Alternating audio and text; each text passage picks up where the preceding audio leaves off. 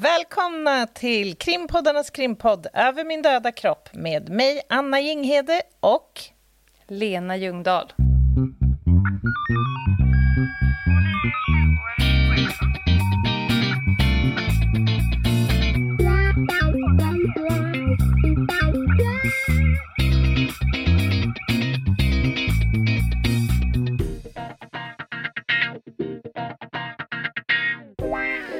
Och Polismyndigheten. Ja, vilken Återigen. härlig tid vi har haft Vi lever i ändå. i dessa tider. Att den kan få ha det så gött. Nej, men sista samarbetsavsnittet med Polismyndigheten för den här vändan. Ja. De kanske kommer igen. Ja, det hoppas jag. Och nu så tror jag att vi kommer att mangla av ämnet som vi har fått by far mest och flest frågor på av alla frågor vi hittills har fått på Instagram. På tema alltså. Ja, definitivt. Eh, och det handlar om vadå? Det handlar om rekrytering. Vart det Göteborg nu? Nej, men- Rekrytering och ansökan till polisutbildningarna. Ja, precis. Det här engagerar människor, förstår vi. Som sagt, jag gjorde en liten poll på, på Instagram och som det rasade in frågor Ja, nu på slutet. Otroligt. Och de har vi sammanställt.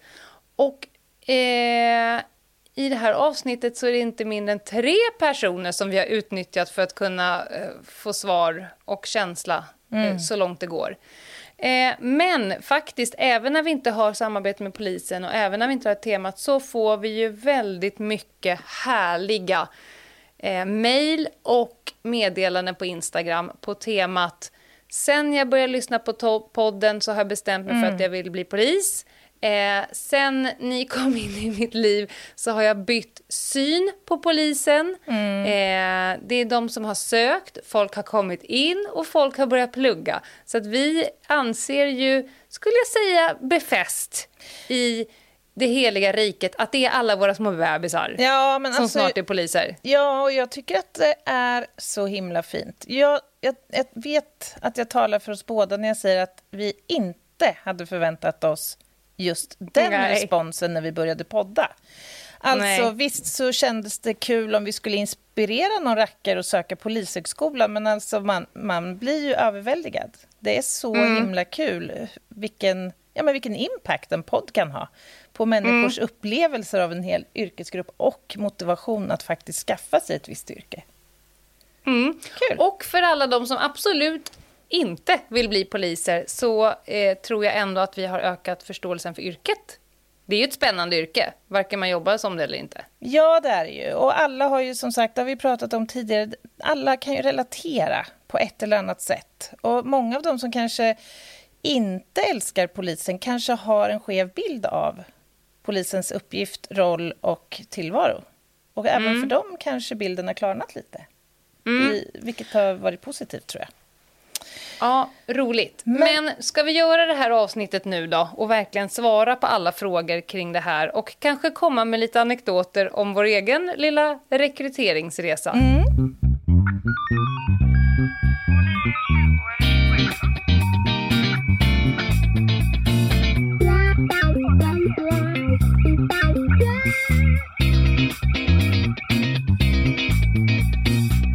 Var börjar vi? Jag var lite inne på om vi inte skulle eh, börja och prata lite grann om skolan och utbildningen som sådan. Vet du hur gammal utbildningen är, polisutbildningen? Nej. Den fyller drygt 100 år. Enligt uppgifter som jag har snokat rätt på så lär den första skolan, eller första utbildningen ha inrättats i början på förra, hundra, på förra seklet i Uppsala. Men vid den där tidpunkten så var det ju inte jättemånga kvinnor som blev poliser. Utan det var ju Nej. uteslutande män.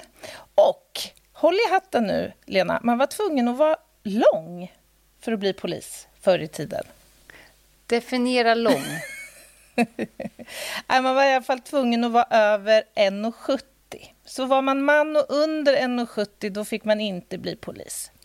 Eh, och som jag förstår det så var det väl många dels soldater och drängar och kuskar och män med liksom en viss profil som främst sökte polisen mm. vid den här tidpunkten.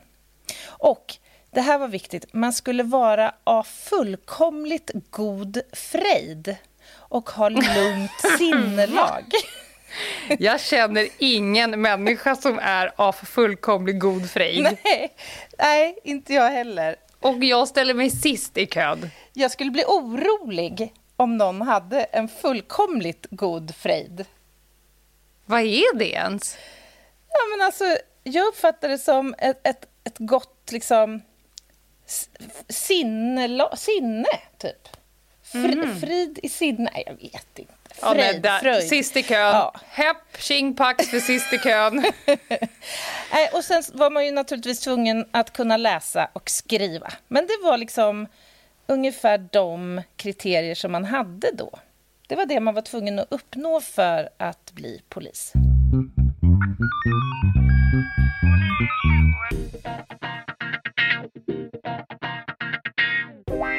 Alltså, om man är intresserad av att söka till polisutbildningen, då kan man ju numera göra det när som helst på året. Mm. Det är ju nytt. Det är nytt, så var det inte på min tid. Nej, på vår tid då var det ju själva den här processen tog ju flera år kändes det som. ja. Ja, men minns du? Ja, gud ja. Så det här är ju en klar rationalisering kan man väl säga. Mm. Eh, och man kan väl säga att själva processen eh, sker i några olika steg. Mm. Eh, man börjar alltså med att göra en eh, ansökan eh, och besvara en webbenkät. Och den här webbenkäten den når man på Rekryteringsmyndighetens webbplats. Man får mm. registrera sig där på något sätt så att man kommer åt en liksom egen liten sida. Mm. Eh, så det är lite såna här administrativa delar att ta itu, ta itu med eh, innan man kommer till de här praktiska prövningarna. Eh, naturligtvis så ska ju betygen kollas. De får man ju skicka in då och man kommer att göra ett merit, meritvärdering eller vad det kallas. Man får mm. se så att man är liksom behörig. Mm. Och sen börjar det då bli dags att förbereda sig inför eh, prövningen som då äger rum på Rekryteringsmyndigheten. Mm. Eh, och inför den här eh, prövningen så ska man också tänka på några saker. Man ska gå iväg och få ett intyg som visar att man kan simma. Mm. Eh, man ska snickra på ett CV. Man ska gå till sin optiker, hämta ett glasögonrecept om man har eh, nedsatt syn. Eh, man behöver gå till sin doktor och få ett intyg över eventuella sjukdomar eller skador. Och gärna ett mm. sånt då som visar att man är frisk eller ja. liksom botad från en sjukdom mm. eller en, en skada. Och sen då eh, så blir man, eh, får man möjlighet att göra sina eh, tester på Rekryteringsmyndigheten förutsatt då att man har uppfyllt alla de här första liksom, kraven. Och, Ska vi säga en mm. liten snabb där? För vi har ju suttit och pratat med dem på polisen nu. Mm. Var nu noggranna, för att det är tyvärr fortfarande så att det är väldigt många söker som inte har uppnått de formella kraven. Mm, alltså kraven som man måste ha med sig från start innan man börjar testa sin mentala och fysiska status. Mm. Och det är lite waste av, av allas tid. Så läs noggrant de formella kraven. Ni kommer inte att kunna gena i de kurvorna. Nej, Nej, men det går inte. Nej, men alltså, det är väl en jättebra första start om man nu är intresserad av utbildningen. Det är ju att börja med att undersöka, uppfyller jag de formella kraven? Mm. Tydligen gör folk inte det tillräckligt noga, så vi pushar för den. Ja, vi pushar för den. Och då kan väl ett tips vara så att om du inte gör det, lägg upp en långsiktig plan och mm. fundera på hur du ska ta dig dit. Det är ju inte några mm. omöjliga krav på något sätt. Eh, Okej, okay, så att Rekryteringsmyndighetens uppgift då, det är att kontrollera att man liksom har både mentala och fysiska förutsättningar att faktiskt klara polisutbildningen och att sen, senare arbeta som polis. Eh, jag ringde upp eh, vår vän Anna på Rekryteringsmyndigheten. Mm -hmm. Och eh, lät henne lotsa våra lyssnare igenom hela den här processen. Jag tänker att våra lyssnare kanske är lite trötta på att höra vår röst. De får höra en annan röst en liten stund här nu. Hon kanske har bra frejd. får vi hälsa Anna välkommen till podden. Och Anna, du jobbar på Rekryteringsmyndigheten. Tack så mycket. Ja, det gör jag. Eh, jag är samordnare för det uppdraget som vi har fått från Polismyndigheten eh, och det är ju att ta hand om själva antagningsprocessen till polisutbildningen. Ja, just det. Men du, jag tror att väldigt många som funderar på att söka skolan och som, som har sökt utbildningen är ju jättenyfikna på vad som händer när man kommer till er för att göra de här testerna. Kan du inte berätta lite grann hur det går till? Absolut.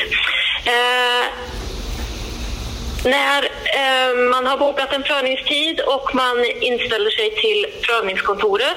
Det första de polisprövande får göra är att de får visa upp ett simintyg. Att de uppfyller Polismyndighetens eh, krav på eh, simkunnighet. Därefter kommer alla prövande att börja sin prövning i en eh, datasal där de får besvara ett teoretiskt test och sen ett personlighetstest. Just det. Så, och vad händer då, då? då? Då gör de de här testerna först. Utvärderas de direkt då på något sätt eller går man direkt vidare till, till resterande tester? Ja, Polismyndigheten har ju satt upp en kravprofil eh, för vad de prövade ska nå upp till. Mm. Och så är det ju redan när de börjar i datasalen. Eh, så att det teoretiska testet som är ett begåvningstest får man direkt sitt resultat på. Mm. Och det avgör då om den prövande får gå vidare i prövningen. Okay. För det är så att uppnår man inte ett av momenten i prövningen så får man inte gå vidare till nästa. Mm -hmm. Okej, okay, så det kan bli tuffa besked här då, då om man eh, inte klarar de här första testerna. Men okej, okay, vi, vi förutsätter att man har klarat och passerat igenom de här första då, testerna. Vad händer sen då? Ja, sen går man vidare och träffar en sjuksköterska eh, där man genomför en synskärpeundersökning och ett färgseendetest. Eh, och en hörselundersökning om man går vidare, för här är det fortsatt av den här falluckeprincipen som man skulle kunna kalla den för. Mm. Den är genomgående i hela prövningskedjan. Eh, men det är de testerna som en sjuksköterska gör Eh, sköterskan gör också en EKG-mätning och kollar puls och blodtryck eh, som mäts upp sen då när man träffar en läkare. Jaha, och så har man då gått igenom den här fysiska då besiktningen eller vad vi ska kalla det. Vad händer härnäst då? Då är det dags att mäta den prövandes muskelstyrka. Just det. Och det gör vi i en speciell mätutrustning eh, som mäter muskelstyrkan i de största muskelgrupperna. Mm. Eh, och den mäts i en så kallad Isokai-maskin. I dagsläget eh, kör vi inget konditionstest och det är med anledningen av eh, smittspridningen av eh, covid-19. Mm. Eh, så att i dagsläget blir vi kör en skattning, eller sjuksköterskorna gör en skattning av de prövande. Och för de polisprövandes del innebär det att alla sökande blir godkända på konditionstestet. Mm. Men det kommer ju också följas upp, för det är ju fysiska moment under eh, när de väl påbörjar polisutbildningen sen. Eh, och där kommer ju konditionen att mätas. Så att det är viktigt att man ändå har en, en god kondition. Alltså om man nu inte skulle klara isokajen till exempel, innebär det då att man får åka hem och inte gå vidare till det här sista steget? Ja. Jaha, så har man då passerat igenom isokaj-testet med godkänt. Eh, vad, ja. vad väntar då? Sen väntar läkarundersökningen.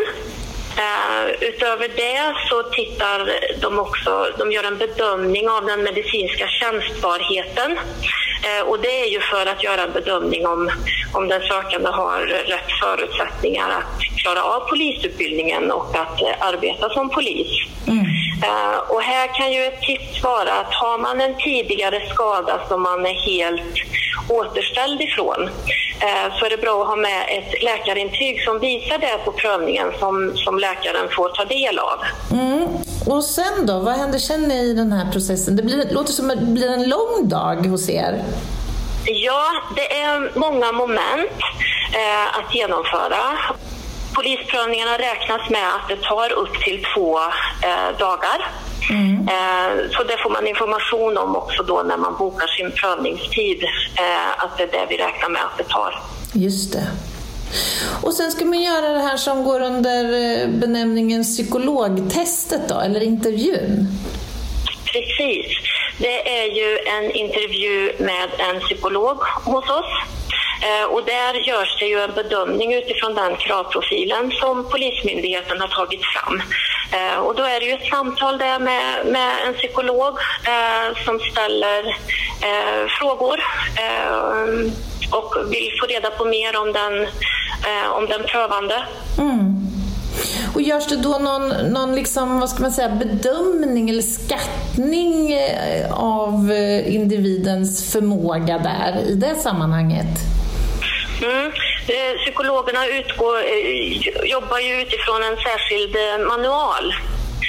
Och inom det då finns det vissa kriterier som den prövande ska uppnå för att bli godkända. Just det. Och får man direkt återkoppling även på det samtalet och vad utfallet blev där? Ja, man får reda på om man blir godkänd eller underkänd. De som inte blir eh, godkända på psykologintervjun får ingen information kring vilken del eh, det är eh, som de inte har blivit godkända mm, i. Okej. Okay. Är det någon fråga som du tycker jag har glömt att ställa till dig nu, Anna, som är viktig att belysa i det här sammanhanget? Ja, jag tänker på det som händer efter psykologintervjun. Ja, bra. För de som har blivit godkända på den, mm. de går då vidare i processen och får lämna ett drogtest. Mm. Det är nytt. Det gjorde man inte på min tid.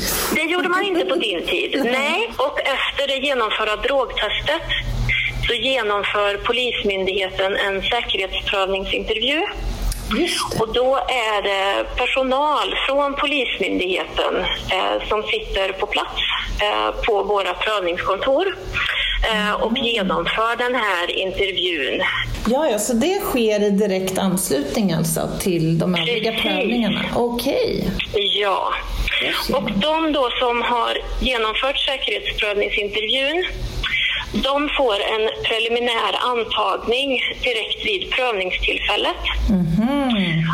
Och antagningen är preliminär eftersom att vi inte har resultatet på drogtestet Just. eller på säkerhetsprövningsintervjun och den registerkontroll också som utförs. Mm. Uh, och vid det avslutande samtalet så träffar man en antagningshandläggare hos oss Eh, och får då välja vilken eh, skola man vill genomföra utbildningen på. Man får välja vilken terminstart man ska påbörja utbildningen mm. och man får välja vart man vill göra sin aspirantutbildning. Mm. Och då är ju den här antagningen preliminär då, under tiden som eh, vi inväntar resultatet på de sista momenten. Mm. Och blir man godkänd eh, på de sista två momenten där eh, så får man en antagning. Mm. Och då får man ett besked om det på min sida. Så det innebär att om jag gör testerna eh, på våren, då kan jag börja på hösten? Absolut, det mm. kan du göra. Vad mycket bra information du har lämnat. Det var bra. Jag. Verkligen. Mm. Det var mycket som var nytt ja. för mig också. Det har ju hänt ganska mycket sedan både jag och Lena gjorde eh, testerna och prövningen för att komma in på utbildningen. Ja. Eh, tusen tack Anna för att du ställde upp och svarade på några eh, frågor. Inga problem. Tack för att vi fick vara med. Ja, det nöjet var helt på vår sida.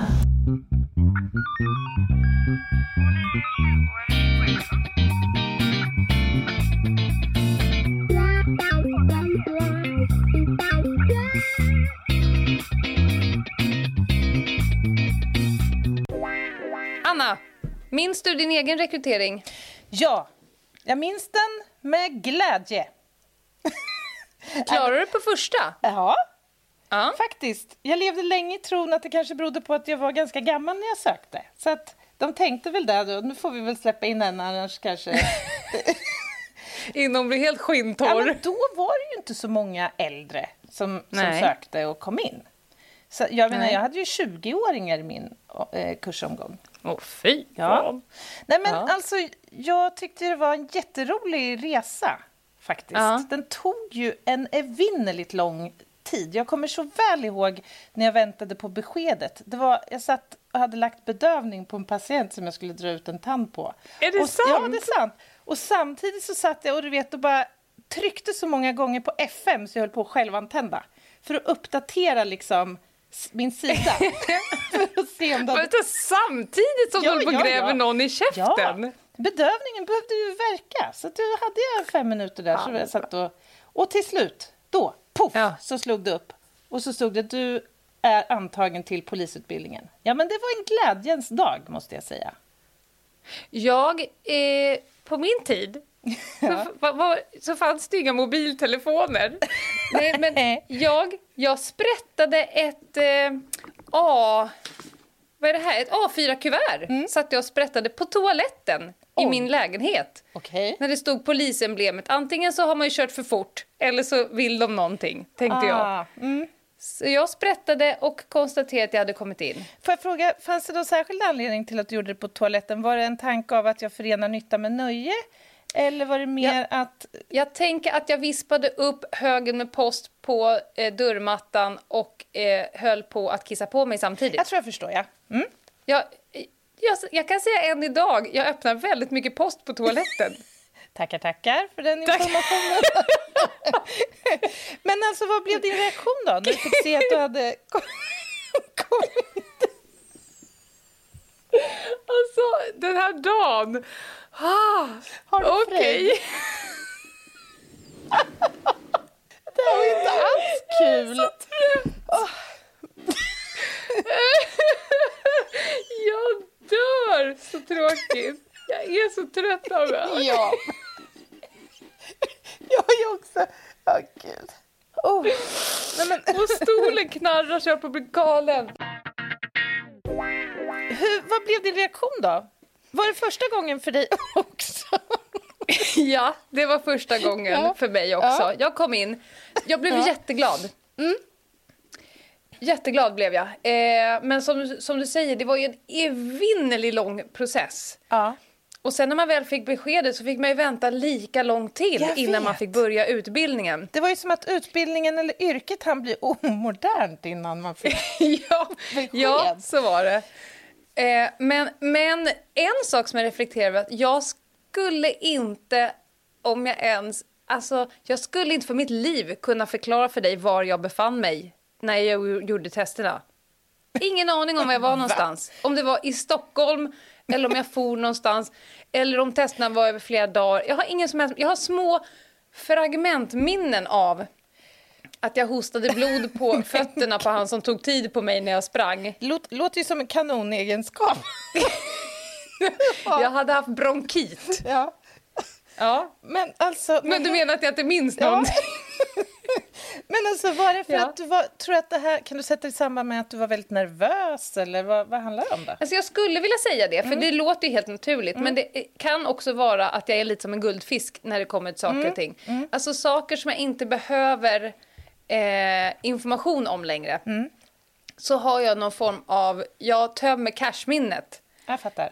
Eh, för så kan det vara om vi har haft ett ärende, spanärende i två år. Samma sekund som det liksom domen har, har gått, då är det borta för mig. Ja, jag förstår. Då kan ju kollegorna säga så här, ah, men kommer du ihåg det här? Bara, eh, nej, Nej, men då är, det är då, tömt. då finns det liksom ett nytt papper att fylla.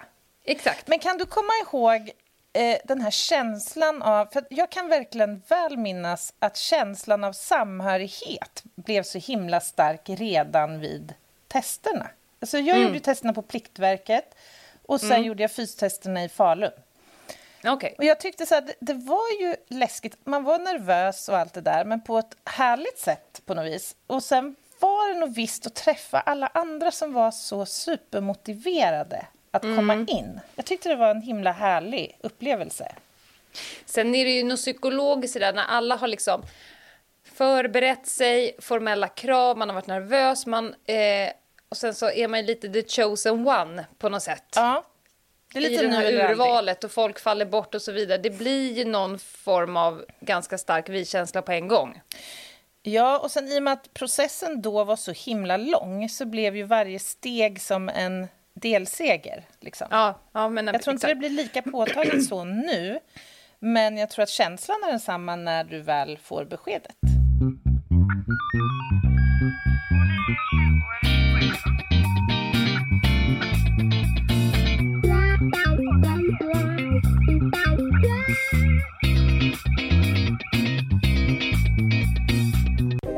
Ska vi ta några av frågorna som har kommit till oss eh, på Instagram? Ja, Eh, vi har ju till exempel här... Du gick ju distansutbildning och jag var ju fast på eh, Polishögskolan som det då hette vid Sörentorp. just Hur det. tänker du skillnaden? Ja, alltså jag har ju läst en utbildning på eh, skola och sen en på distans. Nu var det ju visserligen olika utbildningar, men jag kan ju ändå liksom relatera då lite grann. Alltså, för mig var det för det första så att jag hade ju inget val. Skulle jag gå Polishögskolan så var jag tvungen att göra det på distans. Och faktum är att jag var lite, jag stretchade lite, lite, lite grann på, på reglerna som fanns då. För att man var ju tvungen att vara skriven i det eh, län där man skulle plugga. Så jag skrev mig i det länet, helt enkelt. I Västmanlands län. Okej. Ja, ja. men jag har en bror som bor Vem, där. vem flyttar du in hos? Min brorsa. Okej, Ja. smidigt. Ja. Nej, men alltså, för, och så skrev jag faktiskt ett långt brev till RPS. Och så, för då fanns det så få distansplatser nämligen. Och så skrev jag så här att jag vill gärna göra det här. Jag är väldigt motiverad. Men min enda chans eh, att kunna bli polis det är att göra det på distans. För så var det. Jag hade bottat varenda... Vet, när jag ringde till CSN så gick det igång en sån här red alert. Det bara stod och blinkade där på deras huvudkontor. Så att, att låna No, en no, krona no, till var icke aktuellt. Nej. Nej, så jag jobbade ju som tandläkare under utbildningen. Ja. Och det var, jag tyckte det var helt suveränt. Vi hade ju närutbildningsveckor vid, eh, på skolan. Eh, varvat då med praktiska övningar och distansföreläsningar då interaktivt eh, från, från Västmanland, från Västerås och Köping och sådär. Ja, det var helt suveränt. Mm. Verkligen. Jag tyckte det var toppen. Sen- Undrar om inte jag det tyckte också. Det fanns inga distansutbildningar när Nej. jag skulle börja på skolan. Det, det kom senare. Men Precis. frågan är om inte jag hade tyckt att det vore bra. För att jag utnyttjade inte någon som helst, det där att vara på skolan, hänga med de andra, gymma ihop, gå Mm. på puben ihop. Jag var, ju- deltog ju vid exakt noll procent av de grejerna, kanske inte så förvånande. Men kanske handlar det lite grann om var man befinner sig i livet. Jag tänker så här Ja. att du hade ju Ja, men så också det läst på högskolan ganska länge innan. Du hade ju gjort mycket Mm. av de där studentikosa grejerna. Du hade varit på Spex. Hade... There, done that, Ja. bought a t-shirt. Så jag tror Ja. att om man nu ska söka skolan så måste man ju fundera lite grann på hur ser min livssituation ut? Ja. Vad är, hur är jag intresserad av att fullfölja utbildningen? Vad passar mig bäst, skulle jag säga. Mm. För det är väldigt varierande. Men det är ett, helt klart ett bra alternativ, skulle Mm. jag säga. Sen kommer fråga här. Tycker ni att det borde finnas ett maxtak för antal gånger man får söka? Har du någon spontan tyck här? Oj, vad svårt. Jag, alltså, någonstans så känner jag att det kanske beror lite grann på varför man inte kommer in. Ja. Låt säga att man nu inte kommer in på grund av att man har eh, en brottsbelastning till exempel.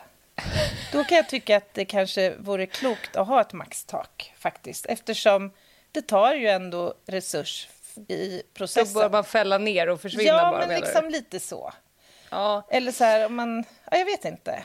Det kan ju vara så att du har sån sjuk otur så att du samtliga fyra gånger du ska göra fystesterna också har maginfluensa. Så kan det Då är det taskigt. Om, ja. Nej, jag, jag har ingen stark åsikt här. Eh, men absolut så bör man ju få absolut varma rekommendationer om man nu fallerar på en sån grej att det kanske inte är någon större idé att du söker igen. Nej, precis.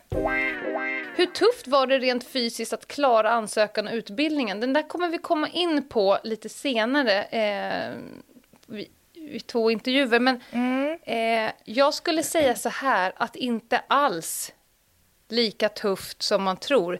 Det är ju inte he-mans eller he-womens utan om du bara är förberedd så klarar du det. Alltså ansökan och testerna skulle jag säga att i princip alla kan klara eh, rent ja. fysiskt.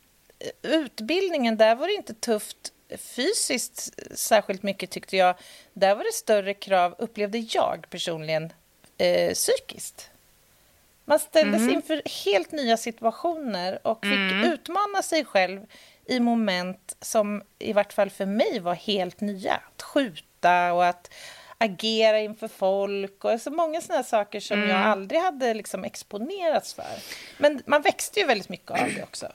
Jag tror att det finns lika många liksom känslor kring det här som att det finns personer. För att det kommer finnas folk på skolan som tycker att teorin och juridiken är a breeze. Mm. Men tycker att det är jättejobbigt med fysiken. Så, kan det så vara. finns det mm. de som kommer bara sprattla sig igenom fystesten och tycker att det är jobbigt med det psykiska. Men det är sammantaget kan vi säga, det är en krävande utbildning. Ja, det är det. Och, och ett krävande yrke. Och ska jag vara ärlig, när jag tänker tillbaka på vad man gjorde under utbildningen så kan jag ibland känna så här, dels så känner jag mig stolt av, över att ha gjort det, men jag kan också mm. tänka så här, gud, hur fixade jag det? Men man mm. gör ju det, därför att dels så är man ju så himla motiverad, dels mm. så får man möjlighet att förbereda sig och dels så har man ju stor glädje av sina kurskamrater. För alla mm. är motiverade. Mm. Man hjälper varandra. Ja, verkligen. Vad var ni mest rädda för inför rekryteringen? Ja, rädd? Jag vet inte. Det kanske är fel ord. Men, alltså, jag hade ju haft oturen att skada mig kort tid innan. Så för mig ja, var det ju... Alltså, jag har ju sprungit och löptränat väldigt mycket förr men helt plötsligt så hade jag jätteproblem med en knäled temporärt ska jag säga. Så att jag var ju lite orolig inför fystesterna, det var jag. Mm. Eh, ja, och jag hade ju inte... Ja, jag hade ju luftvägskall innan, mm. bronkit som jag sa. Ja, just det. Eh, vilket gjorde att när jag sprang de här varven så hostade jag upp lite blod på tån på han som stod och tog tid på mig. Och sen när jag väl kom i mål så sa jag, klarade du det? Eller klarade jag det? Då sa han, ja din fysiska status är det inget fel på, men funderar jag hur, på hur du mår i planeten med tanke på att du springer och hostar. Ditt oh. omdöme verkar svaja, sa han och garvade. Oh. Eh, nej, men... Eh, Ja, Jesus. Jag vet inte om jag var rädd för Man är så jävla taggad. Alltså man är ju det. Och jag kan lova er alla som sitter ute nu och har sökt eller ska att när ni väl står där, då kommer ni vara så motiverade och taggade så att det här med liksom farhågor och rädslor och allt, det kommer liksom inte vara det primära fokuset. Sen kommer en bra fråga här. Eh, vad tycker ni att utbildningen bör lägga mer fokus på? Eh, och där kan jag säga eh, från egen del att jag tycker att utbildningen kontinuerligt blir bättre mm. och bättre mm. och bättre och bättre. Sen kanske det är liksom lite måndagsproblem och så när det öppnas nya lärosäten och så. Men eh, om man jämför med utbildningen nu med eh, för 20 år sedan så är det ju så oerhört mycket mer genomtänkt. Mm.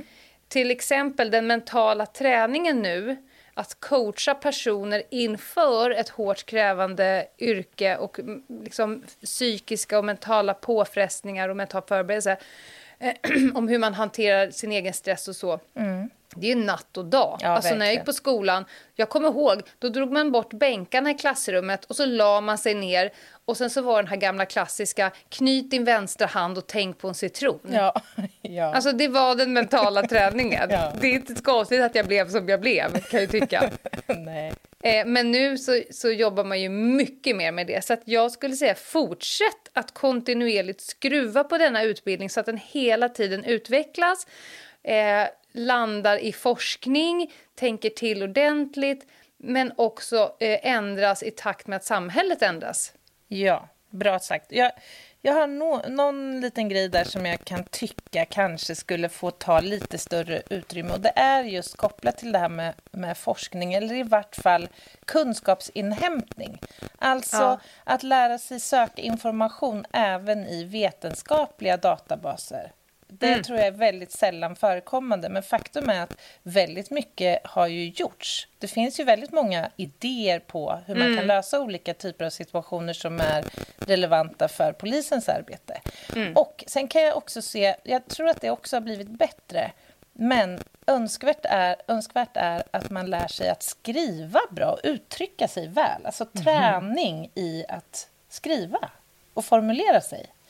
För att det ja. händer att jag läser förhör som kanske inte är så där alldeles lysande. Toppen! Nej. När man får en akt på sitt bord och ska försöka ta liksom ett, ett beslut i ärendet ja. och bara, va, jag fattar Nej. inte vad som har hänt på platsen. Precis. Men nej, återigen, nej, men det, och det är ju så himla mycket sånt i yrket så att det är, det är såklart att det ska läggas på att men det gör man ju, men, men absolut, sluta mm. inte med det, att öva på att skriva förhör och anmälningar och sådär. Men man kanske också får säga så att utbildningen kanske egentligen borde vara lite längre. Det är ju mm. otroligt många moment som ska inrymmas på kort tid. Så det är klart att det blir inte, det finns inte så jättemycket tid ju i kursplanen för varje moment. Så det är en begränsning där. Ja, och jag ger inte mycket för det här. Det var ju någon som sa, någon sjukt intelligent tanke för nyligen, att man skulle korta polisutbildningen, ja, ha snabbspår. Det, ja, det finns ju nu. Ja, men det är fan det dummaste jag hört. Jag vet ju själv, jag var ju lärare på skolan 2013 och där man viktar ju en skitviktig sak mot en annan skitviktig sak och så börjar man räkna minuterna och så bara nej, men vi får ta tre minuter här och två minuter, men båda är livsviktiga. Ja. Nej, men korta gärna utbildningen då. Nej. Nej, det är ett alldeles komplext yrke och vi ska vara alldeles, alldeles rädda om kvaliteten som vi har på utbildningen. Ja. Vi ska inte korta den i min personliga åsikt. Jag håller helt och fullt med dig. Vilken persontyp saknas på utbildningen? Där skulle jag vilja lätt brinna av lite grann. Mm. Jag skulle vilja hävda att när skolan börjar så finns det en väldig massa persontyper på skolan mm. första dagen. Mm. Sen tycker jag att hela lärosätet och skolorna och eh, eh hela utbildningsförfarandet ska tänka väldigt noga innan de försöker göra om de här persontyperna så att de inte kommer ut på andra sidan som tennsoldater mm. och är likadana ändå. För då är det ingen idé att ta in olika personlighetstyper. Nej. Så ta in dem som klarar formella kraven och är bäst lämpade men låt dem behålla sin unika form mm. och egenskaper. För det har Polismyndigheten så mycket större nytta Verkligen. av än att alla är likadana och tänker likadant. Alltså det måste väl vara eftersträvansvärt att försöka eh, utforma en poliskår som på något sätt skildrar befolkningen.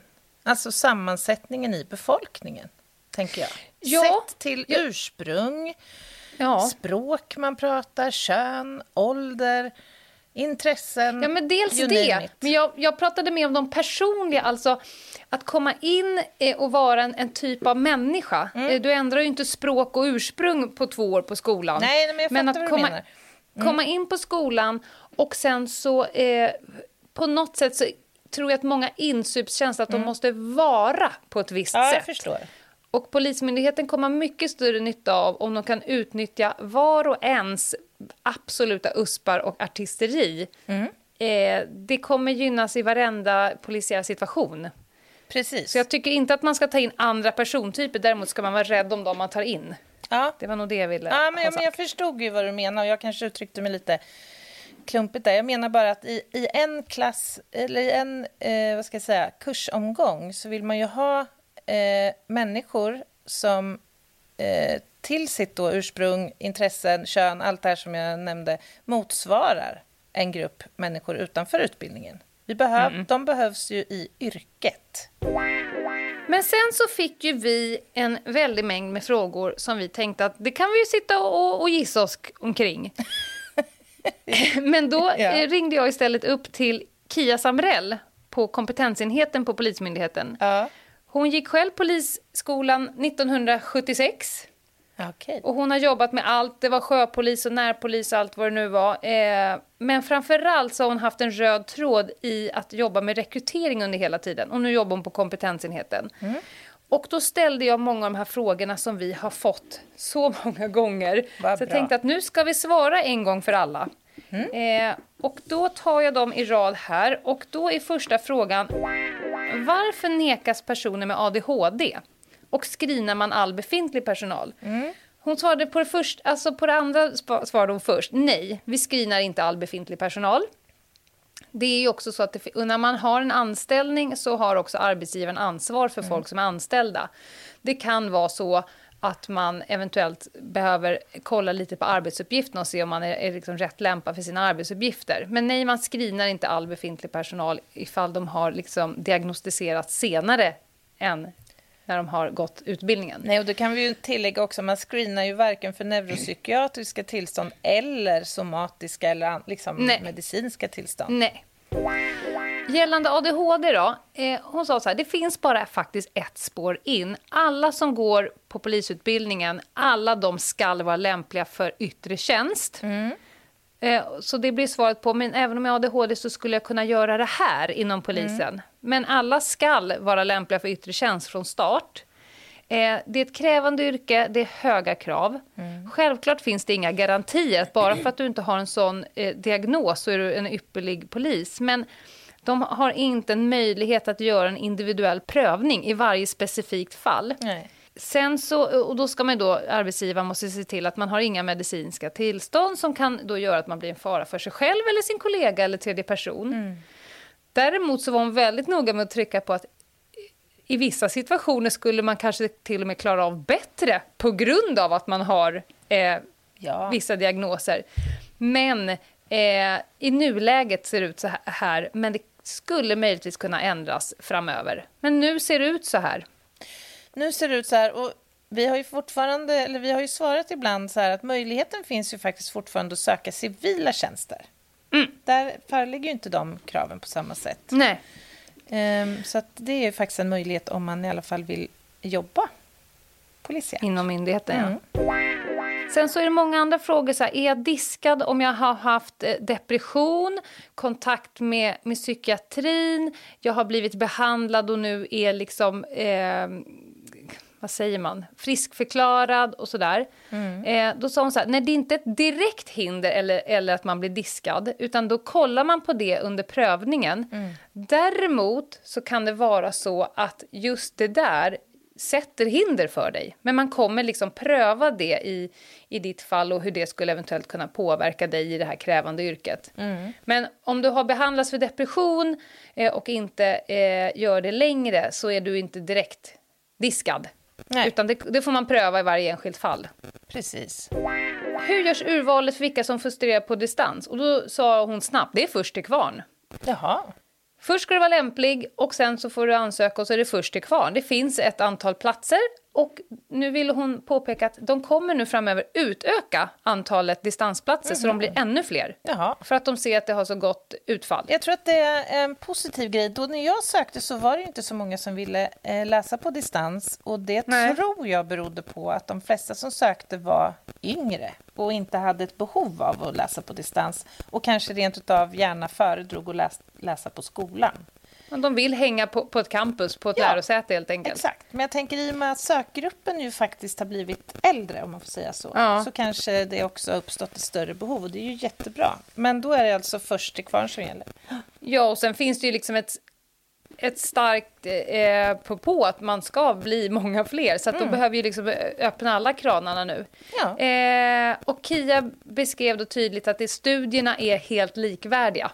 Ja. Så man går inte miste om någonting på det ena eller andra sättet. Alltså jag, när jag gick distansen då var det ju en ganska ny företeelse och då var det lite så här, "Åh, är du distansare och vad, kommer du bli någon form av B-polis då eller? Alltså lite det där tugget. Men faktum är, jag måste säga att fördelen som jag upplevde det, så var det i alla fall då, det var ju att man väldigt snabbt fick vara på Polismyndigheten, bekanta sig med miljöerna och med folket som jobbar där och rutinerna och mycket sånt här som kommer först efter man är färdig på skolan för resten av gänget. Så det finns faktiskt fördelar med distansen på det sättet också. Och jag skulle säga att utbildningen är ju kanonbra oavsett. Mm. Ja, den, är- men hon var ju, tryckte liksom på det att studierna är precis likvärdiga. Så det är vad som passar dig själv bäst och vem som då kom först till kvarn. Just det. Sen kommer nästa fråga. Hur förbereder man sig inför rekryteringsprocessen? Och då sa hon så här. För det första så ska du se till att vara dig själv. Sitt inte och försök gissa vad som är rätt svar eller något sånt där, för det kommer de eh, se igenom och du kommer också framstå som ganska skev. Det kommer liksom inte bli rimligt i slutändan. Nej. Så var dig själv, se till att ha sovit bra, ätit bra och försök att landa här och nu. Nu kommer något som jag tyckte var intressant. Hon sa så här, de allra flesta är väl förberedda fysiskt. De har övat på vill, alla eh, de olika eh, grenarna. De har övat på isokajen, de har övat på cykeln, de har övat på simningen. Men sen när de hamnar i en sån här eh, prövning, när allting ska göras i ett, då stukar folk under. Ja. Dels för att de har inte övat på alla sakerna tillsammans och dels för att de är så oerhört stort stresspåslag så de spänner sig. Så det är som att En energin är låsning. slut redan när de kommer till platsen. Precis. Så ni som ska förbereda er fysiskt, det finns jättebra information och till och med filmer på polisens hemsida, snedstreck bli polis, där det verkligen står hur man ska förbereda sig till varje moment. Men medskick från Kia, öva dem allihopa, kanske i rad, så att du klarar dem allihopa liksom på samma dag. Ja, precis. Och sen också så här, skulle nu, alltså Anna pratar ju om det här på Rekryteringsmyndigheten, att man jobbar utifrån falluckeprincipen. Alltså man får en omedelbar respons på om man har gått vidare till nästa steg, om man kan säga så, under prövningarna. Och det här kommer ju som ett jättehårt slag för många naturligtvis, att fasen, nu liksom flunkade jag här, eh, läkarundersökningen eller fystestet eller vad det kan vara. Eh, men, och vi kommer ju prata lite mer om det längre fram, men det här med spärrtider, alltså de allra flesta testerna, även om man misslyckas, så kan man ju faktiskt söka igen. Det innebär ju inte att det är kört för dig att bli polis för att du hade en dålig dag, om det nu skulle låsa sig fullständigt heller. Men förberedelse är bra. Har man någon chans om man har astma eller annan underliggande sjukdomsskada? Då har vi fått massa frågor. Reumatism, eh, knäskador och så vidare. Och Hon sa så här att läs noga frågorna på del två. Det är väl någonting i det här eh, ansökningsförfarandet. Hon sa att om du har någonting som antingen är en allvarlig sjukdom eller som kräver kontinuerlig medicinering eller om det är en, någonting som där du inte klarar dig utan medicin. Det här kommer de behöva gå igenom. Eh, då ser det ju mörkare ut. Alltså om du behöver ha dina mediciner eh, och det liksom ska medicineras kontinuerligt, då, då är det liksom inte färdigt. Eh, då, är- eh, då är det försvårande såklart. Däremot så sa hon att vi tar in folk med både olika typer av eksemer och astma. Man blir inte direkt diskad, men man, det prövas från fall till fall vid prövningstillfället helt enkelt. Ja, och en skada kan ju läka. Alltså, Exakt. eh, Det beror på vad det är för skada helt enkelt. Precis, men det var ju som Anna var inne på där också, att då behöver man ju ha ett intyg från en läkare som kan beskriva status för skadan och vad, hur prognosen ser ut. Om den förväntas läka ut eller inte. Eller om den rent utav är utläkt. Sen kommer nästa fråga då. Eh, var någon som har skrivit, ge några exempel på psykologens frågor. Nej, det tänker jag inte göra, Nej. sa Kia. Eh, däremot så finns det filmer eh, med psykologerna på polisens hemsida återigen. Eh, där de beskriver. Men hon sa att temat på de här psykologsamtalen blir ju fokus på vem är du som person? Hur är du som person? Vad har du för inställning till olika saker? Och hur ser din moraliska kompass ut? Man försöker helt enkelt lista ut vem du är. Kommer utbildningen någonsin att bli betald igen?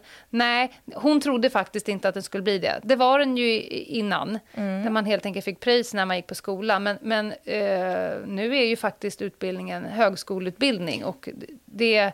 Hon sa att vi går inte åt det hållet, vi går åt andra hållet Sen istället. finns det ju idag betald utbildning i, genom det så kallade snabbspåret. Mm. Så om du jobbar till exempel som utredare och det bedöms motiverat att du faktiskt utbildar dig till polis så finns det idag en snabb, ett snabbspår och det gör man eh, som anställd då. Hur avgörs vilket lärosäte jag får studera vid? Och det finns x antal lediga platser och man får välja då helt enkelt och det är först till kvarn. Eh, och sen så finns det lediga aspirantplatser eh, där efter det. Och man får helt enkelt önska. Ja, och det här tyckte jag var spännande som Anna var inne på, för att nu får man ju ett preliminärt besked redan mm. efter i slutet på dag, alltså prövningen vid Rekryteringsmyndigheten. Så då mm. får man ett preliminärt besked och det gäller ju då förutsatt att ditt drogtest är eh, negativt och att du passerar säkerhetsprövningen. Mm. Så att du kan ju gå eh, lycklig eh, därifrån redan samma dag som du har gjort liksom, mm. testerna. Det är ju ändå cool. häftigt. Sista frågan till Kia. Varför finns det en spärrtid på 12 månader efter misslyckat Unique-test? Alltså, det är, vad kan man lära IQ-testet. Ja, ja. Och då sa hon att ja, alltså det, vi, vi pratade om det, att det är inte som att, att kugga på teoriprovet på körkortet där du kan gå hem och plugga några skyltar till, utan det är du som person som behöver en viss tid på att, att ha möjlighet att utvecklas som människa. Mm. Det gör man ju inte på, du kan inte komma tre veckor senare. Så Nej. hon sa att det är nästan så att det behövs en längre tid, eh, spärrtid där. Anna nämnde ju där att eh, högskoleprovet har hjälpt många. Att, mm. att, eh, att man gör... Jag antar att det är matte... Eller jag vet inte. Det lär väl inte vara alla delar? Ja, det är mycket såna logikgrejer i det där Unique-testet. Jag tror inte att man har så stor glädje av att göra högskoleprovets eh, del rörande svåra ord och engelska. Utan det måste Nej. väl vara mat matten då. Mm. Som är, men det, det, tipsade hon om som en grej som många gör, som kan hjälpa en när man ska mm. göra testerna till Polishögskolan. Mm. Men, men frågan kommer nog från någon som har missat Unique-testet och sen bara känner sig taggad och vill göra det dagen efter. Ah, ja. Men det mm. testet behöver det flyta lite vatten under mm. broarna för att du ska liksom ha förändrats till nästa ja, gång. Ja, det är ju mm. uppenbart. Men du, ska vi kanske förklara också vad det innebär? Förstår alla vad spärrtid innebär? Ja, det tror jag. Tror du det? Ja, alltså det innebär... Men gör det. Det innebär ju att det måste förlöpa en viss tid och spärrtiden är ju olika lång beroende på vilken del du blir underkänd på. Eh, men i det här fallet så gäller det då 12 månader tills du kan söka igen. Eller mm. göra testet igen. Mm. Mm. Du sitter i kylskåpet en liten stund, så kan man se det. ja.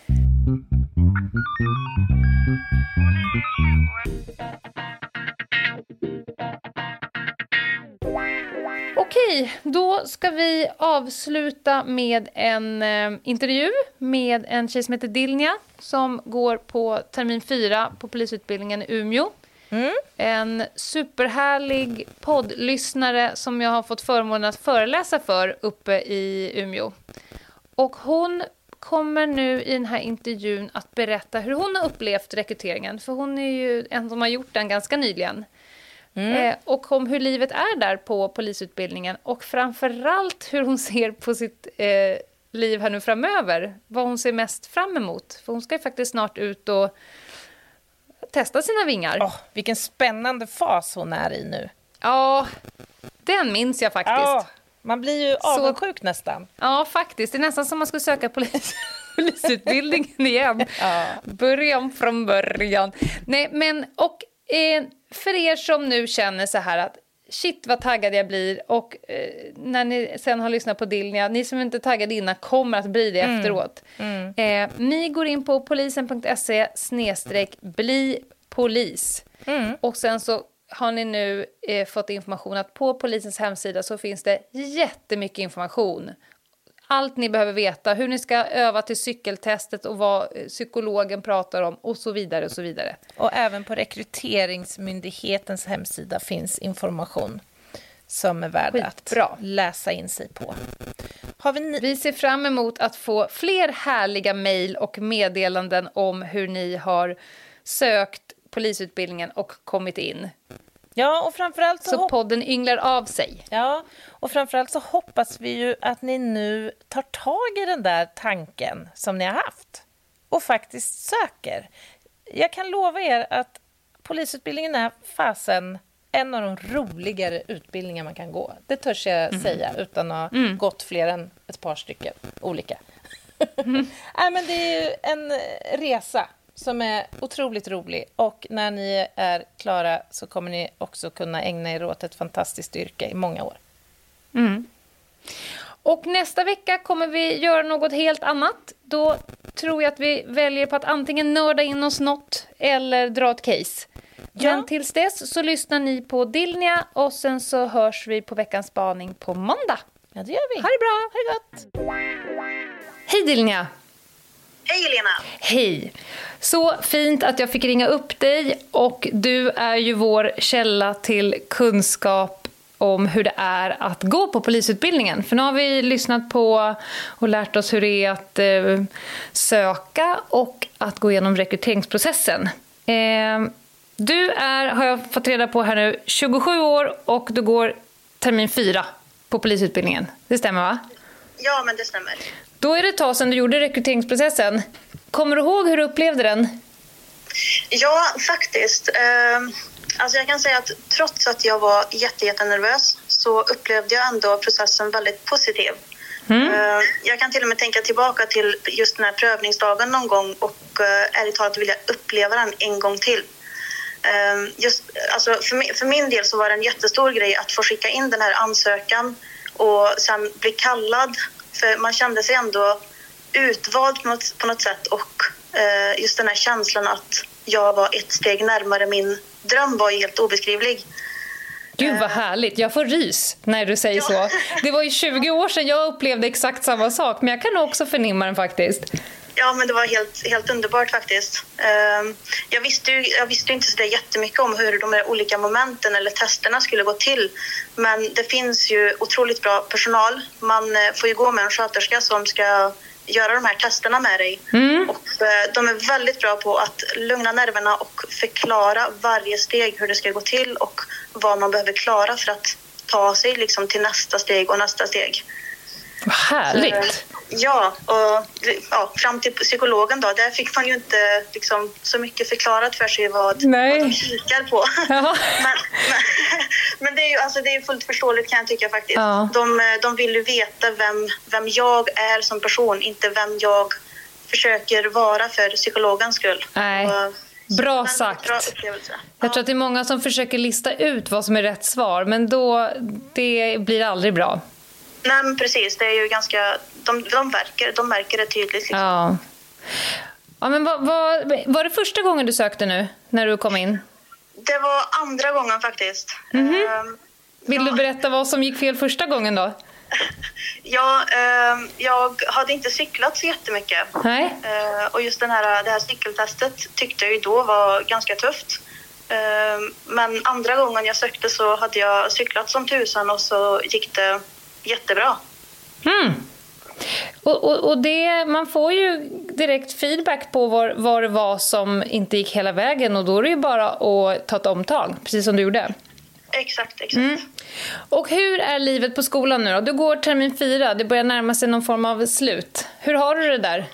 Ja, men precis. Det närmar sig aspiranten. Ja. En skräckblandad förtjusning, skulle jag vilja säga.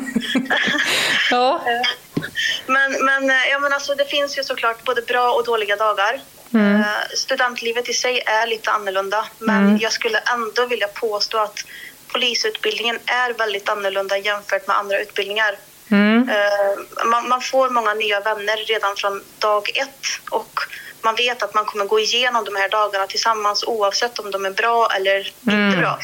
Mm. Och man liksom känner av den här, den här kårandan redan, eller jag gjorde det i alla fall, mm. redan från dag ett. Och, och liksom så här, ja men vi, ska, vi, vi gör det här tillsammans och vi ska klara det här tillsammans. Gud vad vi har ju en gemensam nämnare och det är att bli färdiga poliser. Mm.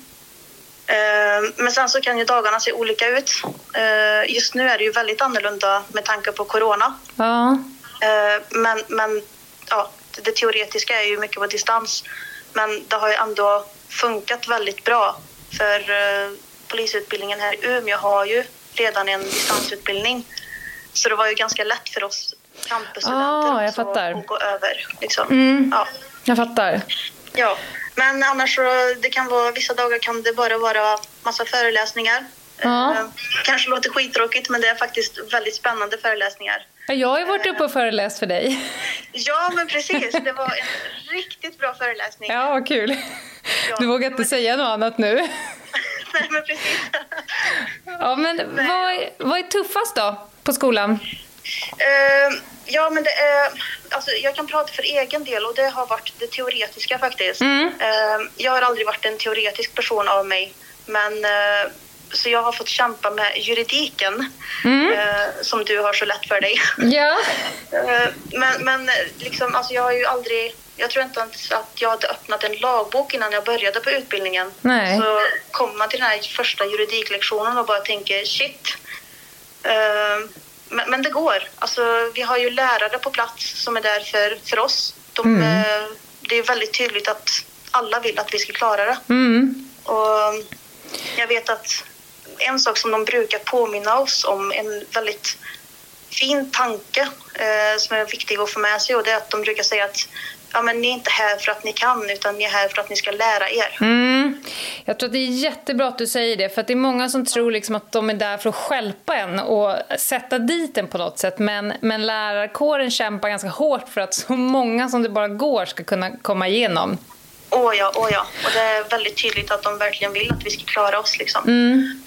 Och därför är det ju väldigt viktigt att inte vara rädd för att fråga om hjälp när man behöver det. Nej. Och det är både av lärare och klasskamrater liksom. Vi hjälper varandra. Ja, man har ju olika styrkor. Precis. Vad, du, vad är roligast då? Eh, ja, då måste jag säga det, alltså allt det praktiska. Okej. Eh, vi har, som sagt, jag är en praktisk person av Ja. men eh, alltså, vi har ju jättemånga övningar. Ja. Eh, det kan vara allt ifrån att brottas till att hantera vapen, öva på olika case. Eh, ja, men vi har ju olika liksom, Ja. övningslägenheter. Det finns en pub på skolan. Mm. Det finns en butik. Eh, så vi kan alltså, ja, träna på bråk på krogen, lägenhetsfest. Eller öva på radio, bilkörning. Så himla nyttigt, för när ni kommer ut så kommer ni inte behöva uppleva allting för första gången. Även om det är skarpt. Men det är så bra att ni har varit där i, i tanke och, och sinne och känt på det. Exakt, exakt. Sen skulle jag vilja säga att sen även, det finns ju en stor förståelse för att man inte är liksom färdig när man är aspirant och inte ens efter det. Det finns en, en, utrymme för progression såklart. Ja, men gud ja. Har du ändrats någonting som person då? Från att du stod där och gjorde dina rekryteringar för fyra ter- terminer sedan? Ja, alltså jag skulle vilja säga jag att jag har växt som person. Mm. Eh, vi lär ju oss jättemycket på skolan som man tar med sig i privatlivet. Och man lär sig att se på saker och ting ur ett annat perspektiv. Mm. Eh, till exempel, ja, men, jag har ju aldrig tänkt på hur farlig en dörr kan vara exempelvis. Nej. Nej. Eh, Men sen så har vi ju liksom ämnen som exempelvis eh, mental och fysisk förberedelse. Ja. Har vi. Eh, Ett ämne som heter och det är ju en jätteviktig kurs. Ja, eh, där det fokuseras mycket på just den här mentala förberedelsen. Vi får reflektera mycket kring saker och ting. eh, Varför vi gör saker som vi gör. Eh, Och jag vet att eh, du har ju pratat om den här mentala träningen Mm. i ett tidigare avsnitt. Mm. Så, eh, Ja, men vad, vad bra att ni har mycket på skolan. Det måste jag ju erkänna att det låter som att det är bättre. När, för när jag gick på polisutbildningen för 20 år sedan, då låg man typ ner, knöt vänster hand och tänkte på en citron. Det, that's it. det, det, det är skönt att ni har gått vidare. Ja men gud ja, vi pratar ju även om alltså, hur andra ser oss i uni- uniformen. Alltså, Ja. Vi går ju runt med uniform på skolan. Ja. Och trots att vi är studenter så kan ju folk se oss som färdiga poliser. Mm. Och vi blir ju liksom ansiktet utåt och även som studenter representerar Sveriges största myndighet och det vill man ju absolut göra på, på bästa sätt. Gud, du kommer bli en så bra polis. Jag hör i allt du säger. Vad ser du mest fram emot då? För snart så ska du ut i den stora vida världen med all din nya kunskap, både praktisk Ja. och teoretisk. Vad, vad, vad ser du mest eh, fram emot i det? Ja, alltså jag har ju ett mål med denna utbildningen och Mm. eh, det är ju att hjälpa andra människor på ett annat sätt än jag har gjort tidigare. Mm. Jag har jobbat inom vården, Mm. eh, vilket jag är jätteglad för, för jag tar med mig otroligt mycket därifrån. Mm. Men som polis så vet jag ju att jag kommer få se samhällets både bästa och värsta sidor. Och så tänker jag att oavsett sida så vill jag vara där och ta emot den som snubblar eller faller eller för den delen hjälpa någon att resa sig upp. Gud, så bra. Ja. Så himla bra, Dilnia. Och när, när får du gå ut då? Eh, I januari får jag gå ut. I januari. Och då är du aspirant. Och var ska du göra den någonstans? I Umeå faktiskt. I Umeå. Det är nästan så jag vill komma upp på er avslutningsdag. Ja, men självklart. Det är så fint att stå. Jag brukar göra det i Stockholm och titta på dem och springer ut. Jävlar, det är mäktigt. Ja, det är Tack det. snälla, snälla för den här uh, pratstunden. Det här kommer säkert hjälpa många som eh, ja, är intresserade eh, bara rent generellt eller som faktiskt är sugna på att söka eller som redan har gjort det. Ja, men det hoppas jag att det gör. Det är ändå världens bästa yrke du har snart utbildat dig till. Ja, men det är det ju. Grattis till det! Tack snälla! Ja, tack.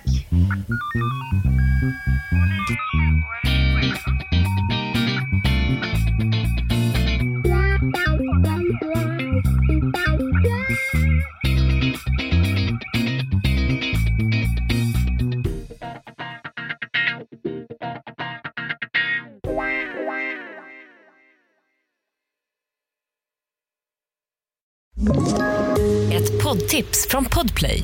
I fallen jag aldrig glömmer djupdyker Hasse Aro i arbetet bakom några av Sveriges mest uppseendeväckande brottsutredningar. Går vi in med hemlig telefonavlyssning och, och då upplever vi att vi får en total förändring av hans beteende. Vad är det som händer nu? Vem är det som läcker? Och så säger han att jag är kriminell, jag har varit kriminell i hela mitt liv men att mörda ett barn, där går min gräns. Nya säsongen av Fallen jag aldrig glömmer på Podplay.